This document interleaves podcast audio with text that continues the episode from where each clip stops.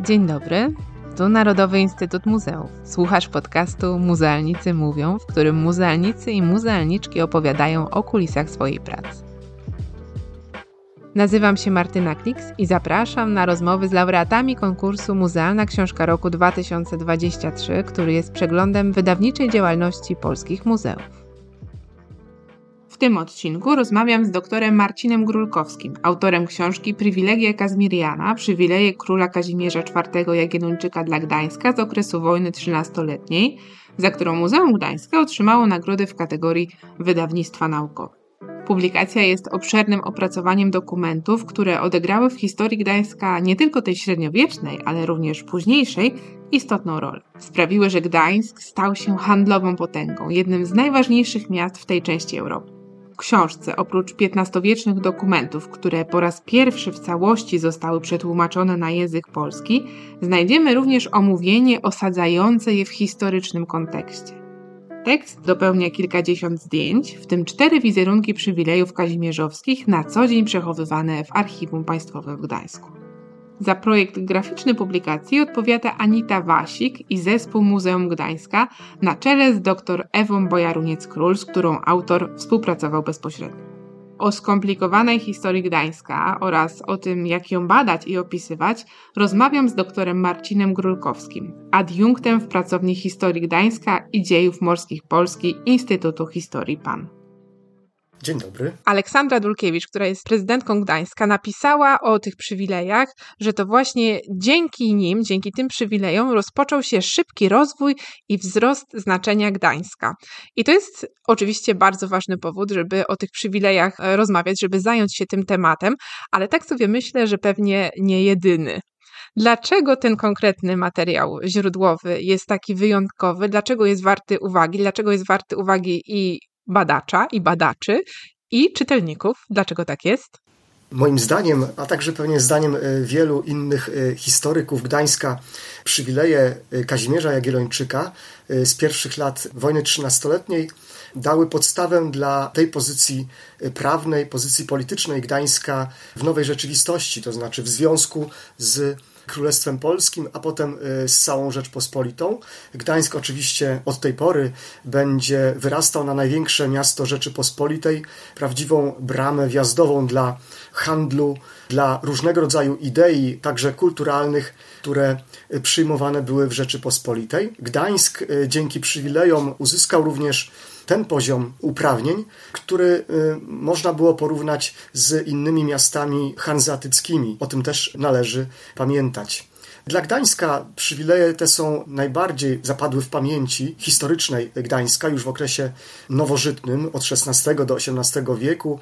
Generalnie dla wielu miast takimi przywilejami są przywileje lokacyjne, ale Gdańsk y, ma y, nieco problemów z przywilejami lokacyjnymi, bowiem y, po pierwsze, pierwsze miasto, które powstało w Gdańsku, miasto na prawie lubeckim, taki przywilej się nie zachował, chociaż być może też istniał. Natomiast gminy miejskie, które powstawały w Gdańsku już krzyżackim, nawet główne miasto nie posiada oryginału takiego przywileju, tylko odnowienie przywileju dopiero w 1378 roku. E, Stare miasto, które też powstało jako osobna gmina, nie posiada przywileju. Nie wiadomo w ogóle, czy taki przywilej został wydany przez e, zakon krzyżacki. Młode miasto natomiast taki przywilej posiada, ale e, młode miasto zostało na początku wojny trzynastoletniej dzięki staraniom, w cudzysłowie staraniom mieszczan głównego miasta zniszczone. Nastąpiło pozwolenie zniszczenia tego miasta i potem na podstawie jednego z tych przywilejów, który został w publikacji wydany, teren ten został włączony w skład już powstającego miasta Gdańska.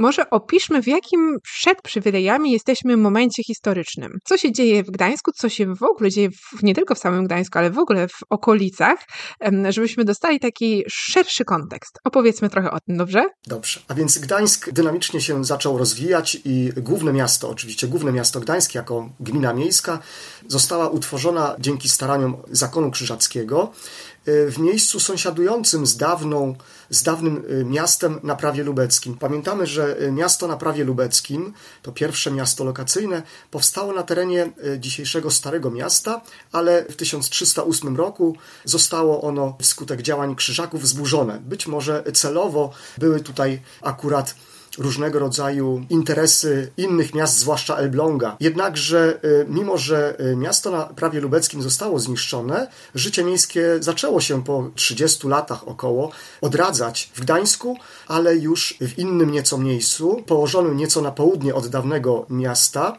czyli na terenie dzisiejszego głównego miasta Gdańska. Teren ten był położony na południe od posiadłości zakonu Dominikanów. I e, ta gmina miejska staje się najważniejszą e, gminą miejską w Gdańsku, ale rozwój ten był tak wyraźny, że Zakon Krzyżacki tworzy również w sąsiedztwie głównego miasta również inne e, gminy, czyli Stare Miasto, na właśnie miejscu miasta na prawie lubeckim, stąd też mamy tę, tę nazwę Stare Miasto, czyli widać wyraźnie, że w tym czasie, gdy powstawało ta gmina, w drugiej połowie XIV wieku, pamięć o jeszcze dawniejszym mieście istniała. Ale jest to miasto, teoretycznie powiem, powiedzmy, Stare Miasto jest młodszym miastem od głównego miasta Gdańska. To są takie różnego rodzaju paradoksy w historii Gdańska. I oprócz tego powstała jeszcze trzecia gmina, miejska, e, młode miasto Gdańsk na północ od Starego Miasta. Mamy zatem trzy miasta, trzy niezależne gminy miejskie e, w Gdańsku, które się rozwijają. Główne miasto to jest gmina, która staje się też w XIV wieku członkiem Związku Hanzeatyckiego. Swój rozwój opiera na handlu międzynarodowym. Stare miasto przede wszystkim to gmina e, o profilu rzemieślniczym zaś młode miasto będzie postrzegane przez główne miasto jako swego rodzaju konkurent, bowiem tam też rozwija się handel. I stąd właśnie na początku wojny trzynastoletniej gdańszczanie, ci z głównego miasta, dążą do likwidacji drugiej konkurencyjnej gminy. Dzięki działaniom no, zakonu krzyżackiego, rozwojowi gospodarczemu całych Prus, y, miasta pruskie się rozwijają bardzo dynamicznie, ale następują pewne problemy, bowiem miasta te nie posiadają tylu przywilejów, ile posiadają inne miasta hanzatyckie. Gdańszczanie, gdańscy posłowie, którzy jeździli, wyprawiali się na zjazdy hanzatyckie, na pewno z zazdrością patrzyli na przedstawicieli innych miast, y, które Lubeki, Stralsundu y, i innych, które mogły pochwalić się naprawdę y, wielkimi przywilejami i niezależnością polityczną. Gdańsk takiej niezależności i inne miasta pruskie nie miały. Stąd też gdańszczanie i inne wielkie miasta pruskie, Toruń, Elbląg, a także później dołączą do nich rycerstwo pruskie, wykorzystują sytuację klęski zakonu krzyżackiego w Wielkiej Wojnie, w bitwie pod Grunwaldem i stanowić będą od tego momentu wyraźną opozycję przeciwko zakonowi krzyżackiemu. Zakon krzyżacki również nakłada coraz większe y, podatki, ponieważ ma ogromne problemy y, gospodarcze. I to budzi niezadowolenie gdańszczan, którzy będą coraz wyraźniej rościli sobie pretensje do y, uzyskania takiej roli politycznej, jak w innych monarchiach w Europie. W tym czasie kształtują się monarchie stanowe i miasta te oraz rycerstwo pruskie również stara się uzyskać tę pozycję prawną wobec y, wielkich mistrzów, tak jak w innych monarchiach stanowych, by mieć wpływ na władzę. Dlatego też są niezadowoleni z rządów krzyżackich. Czują również, że rządy krzyżackie nie przynoszą już im tyle korzyści, jakich ich ambicje by wymagały. Dlatego też, a również z powodu tego, iż miasta pruskie, Gdańsk zwłaszcza, ma coraz większe, więcej kontaktów gospodarczych z zapleczem z Polski, zapleczem tej, tego dorzecza Wisły, nie zależy już gdańszczanom na utrzymywaniu wierności wobec zakonu krzyżackiego. Dlatego tak sprawnie dojdzie w 1454 roku przy okazji rodzącego się kolejnego konfliktu y, z Królestwem Polskim właściwie dokonać swego rodzaju zdrady wierności wobec zakonu krzyżackiego i poddania się pod y, panowanie polskie. Tutaj oczywiście y, Królestwo Polskie i król Kazimierz Jagiellończyk oferował o wiele większą niezależność, o wiele więcej przywilejów niż gdańszczanie mieli podczas panowania y, zakonnego. Dlatego gdańszczanom tak łatwo było, i to widać także w przywilejach, w narracji, czyli w takiej jednej z części pierwszego przywileju, jest uzasadnienie, dlaczego akurat y, gdańszczanie uzyskują ten przywilej, dlaczego król nadaje te mm, wielkie uprawnienia y, gospodarcze, polityczne również. I jest wyraźnie napisane, iż mm, gdańszczanie okazali się wierni wobec króla polskiego, ale także zostało użyte słowo tyranaj, tyrania, to znaczy w ten sposób gdańszczanie uzasadniali to, że wypowiedzieli posłuszeństwo zakonowi krzyżackiemu, to, że była to tyrania. I to uzasadnienie będzie się powtarzać także w okresie nowożytnym y, podczas na przykład dwusetnej i trzysetnej rocznicy obchodów przejścia pod panowanie polskie, gdańszczanie, gdańscy pisarze, gdańscy myśliciele będą w swoich pracach używali tego terminu tyrania krzyżacka. Chociaż oczywiście pamiętajmy, że to był tylko oczywiście pewien propagandowy zabieg, bo w okresie panowania y, zakonu krzyżackiego, y, to trzeba jasno powiedzieć, również ten rozwój gospodarczy Gdańska był intensywny i gdańszczanie wyciągali też wiele korzyści. Mamy bardzo dużo wątków, mamy nawet wątek XV-wiecznej propagandy. Tego się nie spodziewałam, że coś takiego tutaj nam padnie. Ale jakie były Pana powody? Dlaczego akurat zajął się Pan przywilejami Kazimierza Jagiellończyka? Dlatego, że one są takie wielowątkowe, takie złożone, że tam jest tyle problemów? I kiedy się to zaczęło u Pana, to zainteresowanie badawcze tym tematem? Zainteresowanie badawcze tym tematem wynikało z udziału we wcześniejszym grancie, finansowany z Narodowego Programu Rozwoju Humanistyki. Grant ten był realizowany na Uniwersytecie Gdańskim akurat. Tutaj szefem tego grantu był profesor Szybkowski, także jedną jeszcze z członkiń tego grantu była pani profesor Morzejko, promotor mojej pracy doktorskiej. I w tym grancie przede wszystkim on dotyczył stworzenia publikacji regestów, czyli skrótów, streszczeń wszystkich dokumentów oraz listów królów polskich znajdujących się w Archiwum Państwowym w Gdańsku. I oczywiście jednymi z y, tych dokumentów były przywileje kazimierzowe. One zajmowały mi bardzo dużo czasu, bowiem y, w tej przygotowanej wówczas, tam w 2015 roku, y, publikacji trzeba było również stworzyć pewien aparat krytyczny, to znaczy wyjaśnić postaci, które występują. Tych postaci w liście świadków jest bardzo, bardzo dużo i te akurat cztery przywileje zajmowały naprawdę bardzo dużo czasu ale okazały się niezmiernie interesujące. Również pewna kwerenda biblioteczna, y, źródłowa uświadomiła mi wówczas, że wokół tego problemu, wokół, wokół problemu uprawnień Gdańska, przywilejów, koncentrowało się całe, całe naprawdę życie polityczne Gdańska, nie tylko w XV wieku, ale i od XVI do XVIII wieku. Tak naprawdę y, istotą historii Gdańska nowożytnego jest kwestia obrony przywilejów, obrony tego, co się otrzymało od Kazimierza Jagiellończyka, y, bo kolejni królowie, niektórzy próbowali, a także Sejm na przykład Rzeczypospolitej, y, próbowali odebrać czy ograniczyć te przywileje. Jak wyglądała ta praca nad tym materiałem? Bo pan powiedział teraz, że jest bardzo długa lista bohaterów, kwerenda biblioteczna. Co się składało na całą pracę nad tą konkretną publikacją? Jak ona wyglądała? Jak wyglądał dzień z życia badacza? Ta praca y, tutaj badawcza nad samymi już czterema przywilejami wynikała y, oczywiście y, z potrzeby, którą, czy z zamówienia, którego mm, udzieliło tutaj akurat Muzeum Gdańska, ówczesne Muzeum Historii Miasta Gdańska. Ta praca była związana z przygotowaniem do wystawy dotyczącej właśnie przywilejów Kazimierza Jagiellończyka.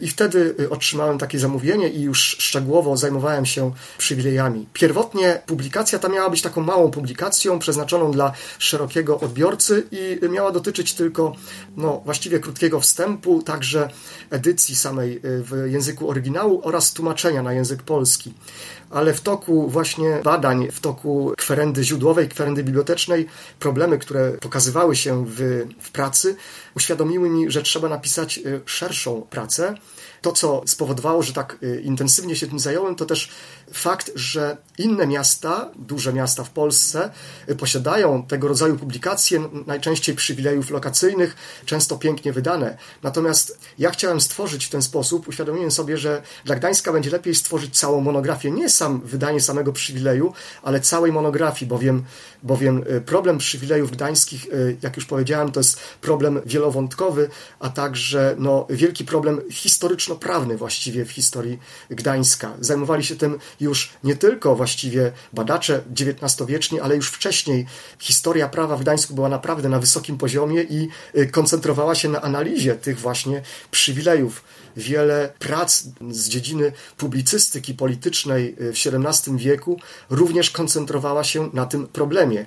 I chciałem, by znalazło się to wszystko w jednej pracy, by ona stanowiła nie tylko edycję źródłową, ale także całą monografię przywilejów. Można właściwie ją podzielić na dwie części, czyli opracowanie tych czterech najważniejszych przywilejów i tą część opracowanie szersze, tego co działo się również później.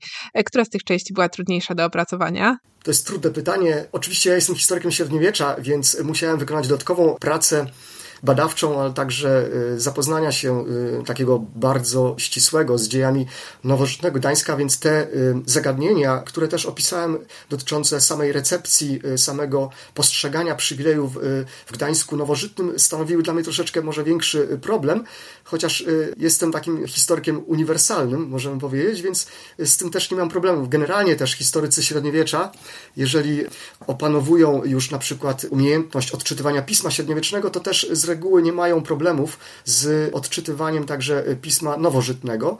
Z tym też nie ma e, takiego większego problemu. Natomiast e, duży problem pojawił się, zwłaszcza gdy wykonywałem tę drugą część, to znaczy samą edycję i opatrzenie tej, tej edycji, tych wydawanych dokumentów i tłumaczonych aparatem krytycznym, czyli przypisami, a także na przykład wypisaniem sygnatur czy szukaniem wszelkich sygnatur, wszelkich kopii tych przywilejów i badając zbiory gdańskie, natrafiłem na dosłownie setki, setki kopii przywilejów bo to też jest ważne, żeby kopie umieścić, informacje o kopiach, a także różnego rodzaju ekscerptów, czyli wyciągów y, z tych przywilejów.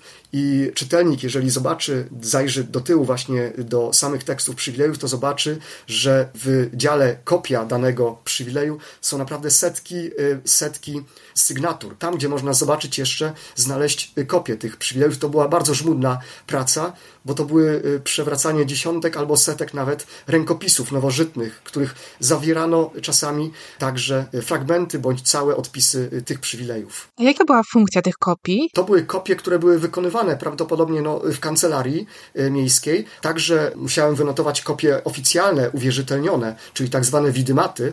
One także oczywiście są, to jest bardzo ciekawe, że one były robione przez klasztor, przez klasztor oliwski, a więc Gdańsk zwracał się e, do klasztoru oliwskiego, a także do miasta Tczewa. To jest dla mnie taka zagadka, dlaczego takie małe miasto, sąsiad Gdańska, był tym, który tworzył takie widymaty, czyli oficjalne kopie. Dlaczego tak się działo? To to jest też bardzo ciekawa historia. Trzeba pamiętać, że Gdańsk nie chwalił się absolutnie w polityce swojej wobec Królestwa Polskiego, nie chwalił się absolutnie tymi przywilejami. Chciał taić to, co jest przedmiotem tych przywilejów. Dlaczego? Otóż nie chciałby król polski, dwór, ośrodek dworski, by zajął się szczegółową analizą i by później konfrontował rzeczywistość, czyli to, co Gdańsk posiada, czy realizuje jakieś uprawnienia, a to, co jest na piśmie.